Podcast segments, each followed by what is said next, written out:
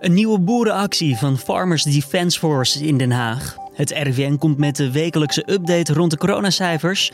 En vanavond spreken premier Mark Rutte en minister Hugo de Jonge weer over het coronavirus. De cijfers lijken zich positief te ontwikkelen en daarom worden er geen extra maatregelen verwacht. De vraag is nu wel, zijn er dan versoepelingen op komst?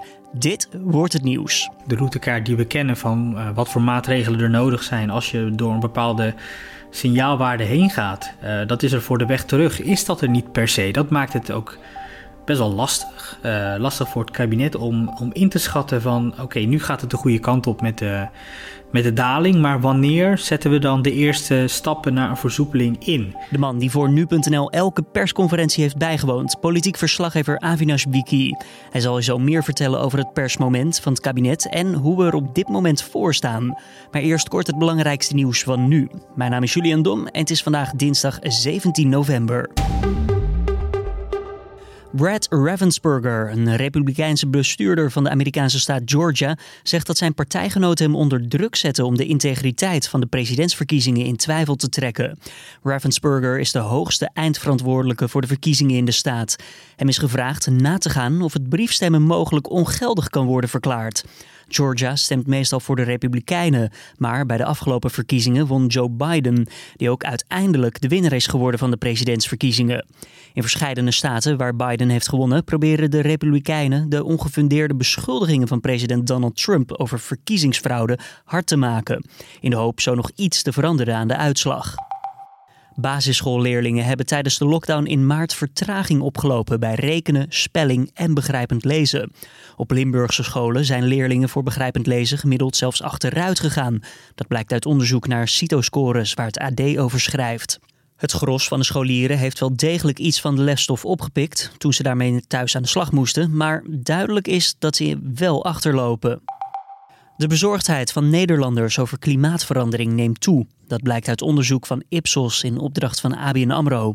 Twee op de vijf Nederlanders ervaart daarbij de coronacrisis als een wake-up call voor het klimaat. Driekwart van de ondervraagden vindt dat we moeten proberen positieve effecten van de coronacrisis op klimaat te behouden, zoals de afname van CO2-uitstoot door verminderd vlieg- en wegverkeer. In Peru is Francisco Sagasti aangewezen als de nieuwe president. Sagasti is inmiddels de derde president in een week tijd. Zondag stapte Manuel Merino op en diens voorganger Martin Vizcarra werd vorige week afgezet. Het is al een tijd lang onrustig in Peru met de grootste protesten in jaren als gevolg. Hoewel deze over het algemeen vreedzaam verliepen, braken er zaterdagavond toch ongeregeldheden uit. Bij confrontaties met de politie vielen zeker 100 gewonden en twee mensen kwamen om het leven. Zangeres Taylor Swift heeft op Twitter bevestigd dat de masters van haar eerste zes albums zijn verkocht zonder haar weten. Wie de masters van een plaat bezit, bepaalt ook wat er gebeurt met een nummer of een album. Bijvoorbeeld of een track gebruikt mag worden in de reclame of een film en of de muziek ook op streamingplatformen beschikbaar is. Daardoor kan er veel geld verdiend worden met masters. Swift is zelf niet de eigenaar van haar eerste zes albums. Platenbaas Scooter Brown was dat en hij heeft die rechten nu doorverkocht. Naar verluid gebeurde dat voor een prijskaartje van meer dan 250 miljoen euro. Volgens Swift is het inmiddels de tweede keer dat haar zes albums zijn verkocht zonder dat zij daarvan zelf op de hoogte is gesteld. Dan ons nieuws deze dinsdagochtend, de 17e van november. Het kabinet praat in Nederland vanavond om 7 uur bij over de coronacrisis. Krijgen we de tweede golf onder controle, is de vraag. De besmettingscijfers en ziekenhuisopnames zijn flink verbeterd ten opzichte van een aantal weken geleden. Maar de cijfers zijn nog altijd hoog te noemen. Allicht is er toch ruimte om voorzichtig optimistisch te zijn. Collega Carne van der Brink vroeg aan politiek verslaggever Avinash Biki... waar premier Rutte en minister De Jonge zich vanavond op zullen focussen. Nou, ik denk niet dat we uh, vandaag hele grote nieuwe verrassingen uh, kunnen verwachten. Um, eerder was al bekend dat het uh, verzwaringspakket bovenop de gedeeltelijke lockdown...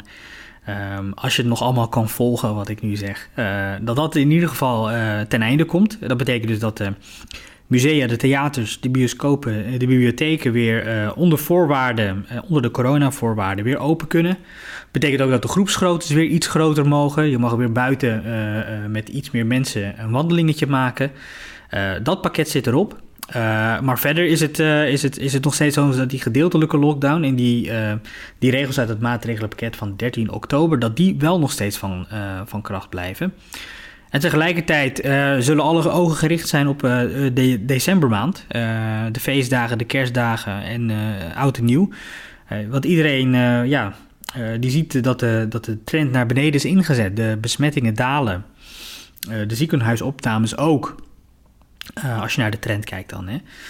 Want hier en daar hebben we wel een lichte stijging, maar niet om waar het kabinet zich zorgen over maakt. Um, maar de, alle ogen zullen dus gericht zijn op die decembermaanden met, met hoe het nu zo goed gaat. Ja, of, of er dan misschien wel versoepelingen in zitten. Want wordt zoiets als kerst dan gezien als een soort finale punt in de, in de verte, als we ons goed gedragen en ons aan de regels houden, dat we dan verder kunnen versoepelen en een fijne kerst met z'n allen kunnen vieren? Ja, dat, dat is een beetje een, een soort van een corona-realiteit geworden, waarbij uh, mensen dus zien dat die, uh, dat die uh, besmettingen dat dat de goede kant op gaat. in de zin van hè, dat daalt. ziekenhuisopnames dalen ook. Dus die trend naar beneden is ingezet. En de realiteit is dat mensen zich dan op een gegeven moment gaan afvragen. hoe, ziet, hoe, ziet, hoe zien de kerstdagen er dan uit? kunnen we dan versoepelingen verwachten? Maar om dan terug te komen op jouw vraag. Ehm, ja, dat is voor het kabinet eigenlijk nog veel te vroeg. Ehm, ze hebben berekend dat het maatregelenpakket, die gedeeltelijke lockdown, dat daar de effecten van uh, pas te, zien zullen zijn uh, eind januari. Uh, maar tegelijkertijd moeten ze ook iets met die feestdagen doen natuurlijk. Eh, je wil mensen ook een beetje perspectief bieden. En ja, we hebben al acht hele zware maanden natuurlijk achter de rug. kerstdagen, de decembermaand is voor heel veel mensen natuurlijk gewoon een hele belangrijke maand. Ook om het samen, samen te vieren met je, met je naaste en je geliefde. Ja, dus die, die zullen toch iets willen, willen zien, willen, willen horen uh, van het kabinet. Maar kan het kabinet eigenlijk wel een perspectief bieden in deze tijd? Uh, we hebben natuurlijk al de routekaarten en de maatregelen gezien ja. die het kabinet later heeft moeten bijdraaien of moeten aanpassen. Dus dat stond nooit vast. Ja, klopt. Um, er was een routekaart van hoe er zou worden opgeschaald. Hè, die vier verschillende risiconiveaus. Um, uh, ja, dat perspectief naar hoe, hoe, de, hoe de weg terug moet worden ingezet, die wil het kabinet wel bieden. Tegelijkertijd zeggen zij ook, ja, een route, de weg terug, die is er eigenlijk niet. De routekaart die we kennen van wat voor maatregelen er nodig zijn als je door een bepaalde signaalwaarde heen gaat, dat is er voor de weg terug, is dat er niet per se. Dat maakt het ook best wel lastig. Uh, lastig voor het kabinet om, om in te schatten van oké, nu gaat het de goede kant op met de, met de daling, maar wanneer zetten we dan de eerste stappen naar een versoepeling in? Um, daar, ik verwacht dat ze daar vanavond uh, bij de persconferentie nader op in zullen gaan. zullen de mensen mee zullen nemen in wat wat zijn de overwegingen voor het kabinet? Wanneer gaan ze versoepelen? Hoe is de route naar de kerst? Hoe ziet dat eruit? En onder welke voorwaarden kunnen we misschien, uh, ja, misschien wel een, een, een hoe zeg je dat, een, een verbreding van de groepsgrootte verwachten? Maar iets wat sowieso hoopvol is, is dat die tijdelijke verzwaring van de gedeeltelijke lockdown van twee weken terug sowieso niet door zullen gaan, dat daar een streep doorheen gaat. Ja, dat sowieso. Dat maakt niet uit. daarvan hebben ze gezegd: twee weken is twee weken. Zij, uh, het kabinet dacht, nou dat kan een, een, soort van een turbo zijn op die gedeeltelijke lockdown om ervoor te zorgen dat de zorg, um, de belasting van de zorg in ieder geval met een week uh, verkort wordt. Nou, dan moeten we nog allemaal even afwachten ja, eh, of dat allemaal wetenschappelijk wel klopt of niet. Uh, we weten ook dat er in het kabinet heel veel discussie is geweest over de verzwaringen en over dat maatregelenpakket. Het kabinet kondigde ook aan dat het met een, een soort van een regionale lockdown zou komen, hè, met die avondklok. Um, de afgelopen weken is toch wel gebleken dat daar binnen in het kabinet ook wel uh, oneenigheid over is geweest. Uh, ook omdat het niet wetenschappelijk hard zou, gemaakt zou kunnen worden wat nou een, een avondklok zou betekenen.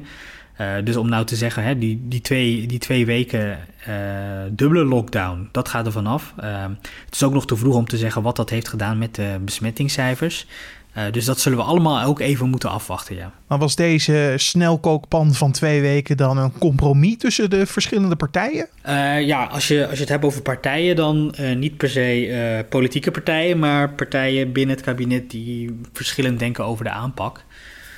Um, het is bekend dat premier Rutte, Hugo de Jonge en de andere zorgminister Tamara van Ark natuurlijk heel veel oog hebben voor de zorg, de belasting van de zorg, ehm, belasting van de ziekenhuizen.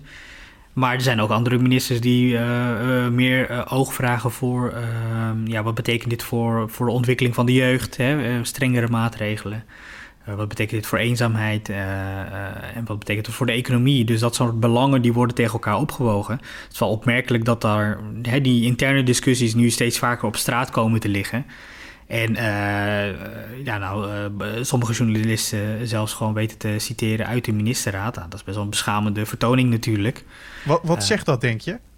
Nou, dat zegt wel dat er heel anders wordt gedacht over, over hoe het kabinet dit moet aanvliegen in het begin van de crisis. We hebben het ook al vaker over gehad. Hè? Toen stond echt de gezondheid op nummer één. Het voorkomen van besmettingen. Maar je ziet nu ook dat steeds meer ministers ook op hun eigen dossier, hun eigen terrein uh, zich gaan bemoeien. misschien is de coronaschrik is ook wel een beetje voorbij. Ehm, we, we, zien nu natuurlijk ook, er komt een vaccin aan. Dus mensen hebben ook, ook een beetje het idee van het einde is in zicht, we naderen de finish. Al is dat natuurlijk nog lang en breed niet het geval. Ehm, maar er is ook misschien wel onvrede over het feit dat, dat premier Rutte in informele overleg op het katshuis op de zondag uh, het beleid probeert te bekokstoven, zonder dat daar de rest van het kabinet bij betrokken wordt. Je zou ook kunnen zeggen, de Tweede Kamerverkiezingen van maart, die eraan zitten te komen, beginnen ook al een rol te spelen in hoe er overlegd wordt of hoe er opgetreden wordt binnen de partijen. Ehm, ja, zie jij dat ook als een mogelijke factor? Dat kun je natuurlijk niet ontkennen dat dat eraan komt. En dat is alweer in maart. Uh, dus die uh, verkiezingscampagnes die, die beginnen ook alweer. daar zitten we nu ook al middenin. En tegelijkertijd, hè, wat jij ook al zegt, het is wel heel spannend om te zien hoe dat de komende maanden zich zal voor, voltrekken. Premier Rutte is de lijsttrekker namens de VVD. Corona-minister Hugo de Jonge is dat namens het CDA. En we hebben natuurlijk Sigrid Kaag, de minister van Buitenlandse Handel. Die is dat namens D66. En ja, ik denk dat heel veel mensen nog steeds denken dat Rob Jette de partijleider is daar. Is hij nooit geweest overigens. Maar hij is een beetje het gezicht nu van D66. En Kaag moet toch wel gaan werken aan haar profiel. En het is, de komende maanden zal het heel interessant worden om te zien hoe zij zich daarbinnen zal profileren, zal uitspreken. Uh, minister Hugo de Jonge uh, is natuurlijk het coronagezicht, maar tegelijkertijd krijgt hij ook veel, veel kritiek te verduren over alles wat er fout is met het coronabeleid. Hij heeft een lijsttrekkersverkiezing achter de rug waar, die niet onomstreden was. in zijn partij geniet hij nog niet echt het, het, ja, de autoriteit om, om die partij te leiden. dus daar moet hij ook nog aan werken. En tegelijkertijd is hij coronaminister. En dan heb je premier Rutte nog, die ehm, ja, met zijn partij, de VVD, de, de peilingen al een, tijd lang aanvoert. Best wel soeverein eigenlijk. Ja, en die is er natuurlijk bij gebaat om, uh, om, om zijn kabinet heel huis over de streep te trekken. dus die zit ook niet echt te wachten op, op, op ja. Maar terugkomend op waar het vandaag over zal gaan, over hoe het kabinet het coronavirus in bedwang wil houden. Gaan deze discussies en verdeeldheid binnen het kabinet dan ten koste van hoe ze ja, de crisis willen beheersen? Nou ja, kijk, als de maatregelen uh, die ze nemen uh, gewoon werken, dan, dan is dat natuurlijk prima. Uh, en dan is dat goed, want dan werken ze. wat wel een probleem kan zijn natuurlijk, is als het kabinet niet ja, in front vormt. Hè? Niet, niet gezamenlijk naar buiten treedt als, en, en, achter de maatregelen staan. Um, ja, het voorbeeld is bijvoorbeeld van Mona Keizer, de staatssecretaris van Economische Zaken, die haar eigen minister, minister De Jonge, in dezelfde avond nog tegenspreekt over, over een sluiting van detailhandel in de avondklok. bij een praatprogramma. Ja, dat, dat werkt natuurlijk niet als het kabinet wil dat iedereen zich aan die coronaregels gaat houden. Premier Rutte zegt zelf: het is goed als er discussie is, maar hou dat wel intern. Want het gevaar is dus als ook ministers naar buiten toe het coronabeleid gaan ondergraven. Ja, hoe kan je dan nog van burgers verwachten dat ze zich aan de regels gaan houden? Daar hoorde je politiek verslaggever Avinash Biggi in gesprek met collega Carne van der Brink. De persconferentie van het kabinet kan je vanavond om 9 uur volgen op nu.nl en in de app. Dan verder nog eventjes de nieuwsagenda voor deze dag. Ja, het boerenprotest. Vandaag vindt namelijk in Den Haag een nieuwe boerenactie plaats. Gestuurd door Farmers Defence Force. De actievoerende boeren willen persoonlijk een noodkreet bij koning Willem-Alexander afleveren in Den Haag. De boeren verzamelen zich volgens plan om 9 uur in de stad en trekken vervolgens twee uur later, om 11 uur dus, langs Huis ten Bos. En het is weer dinsdag. Dat betekent dat het RIVM vanmiddag met nieuwe informatie komt over het verloop van de coronacrisis. Mogelijk geeft het RIVM ook een toelichting op de effecten van de maatregelenpakketten. De cijfers worden rond twee uur vanmiddag verwacht. En de presidentiële memoires van de voormalige Amerikaanse president Barack Obama ligt vanaf vandaag in de winkel. A Promised Land, dat in 25 talen is vertaald, is het eerste van een tweedelige serie. Volgens Obama is het boek een eerlijk verslag van zijn presidentschap. Hij schrijft in het boek over de jaren waarin hij politiek werd gevormd en over bepalende momenten in de eerste termijn van zijn presidentschap. Dan het weerbericht. Daarvoor hoor je hier Alfred Snoek van Weerplaza. Er is vandaag veel bewolking aanwezig. Voor de zon is maar heel af en toe en lang niet overal eventjes wat ruimte. Wel blijft het op een heel klein beetje lokale miseregen na droog. Dus het is een wat grijze en grauwe novemberdag. Bij een matige aan zee later af en toe krachtige zuidwestenwind, windkracht 4 tot 6, wordt wel vrij zachte lucht aangevoerd. Vanmiddag wijzen de thermometers in Nederland waarde aan van zo'n 12 of 13 graden. Dankjewel Alfred. En dan om af te sluiten nog even iets over de elektrische fiets. Vorig jaar had namelijk 4 op de 10 mensen van 55 jaar en ouder zeker één elektrische fiets in hun huishouden. Daarover schrijft het CBS. De e-bike wordt steeds populairder onder die groep. 1 op de 10 gebruikt hem namelijk zelfs dagelijks. De gewone fiets is echter nog niet verslagen. Bijna driekwart van de 55-plussers heeft namelijk nog een traditionele fiets in bezit. En dit was dan de Dit wordt het nieuws ochtendpodcast voor deze dinsdag 17 november. Tips of feedback? Laat het weten via podcast@nu.nl. Vanmiddag is collega Carne van der Brinker met de middageditie van deze podcast. Mijn naam is Julian Dom en ik spreek je morgenochtend weer. Tot dan.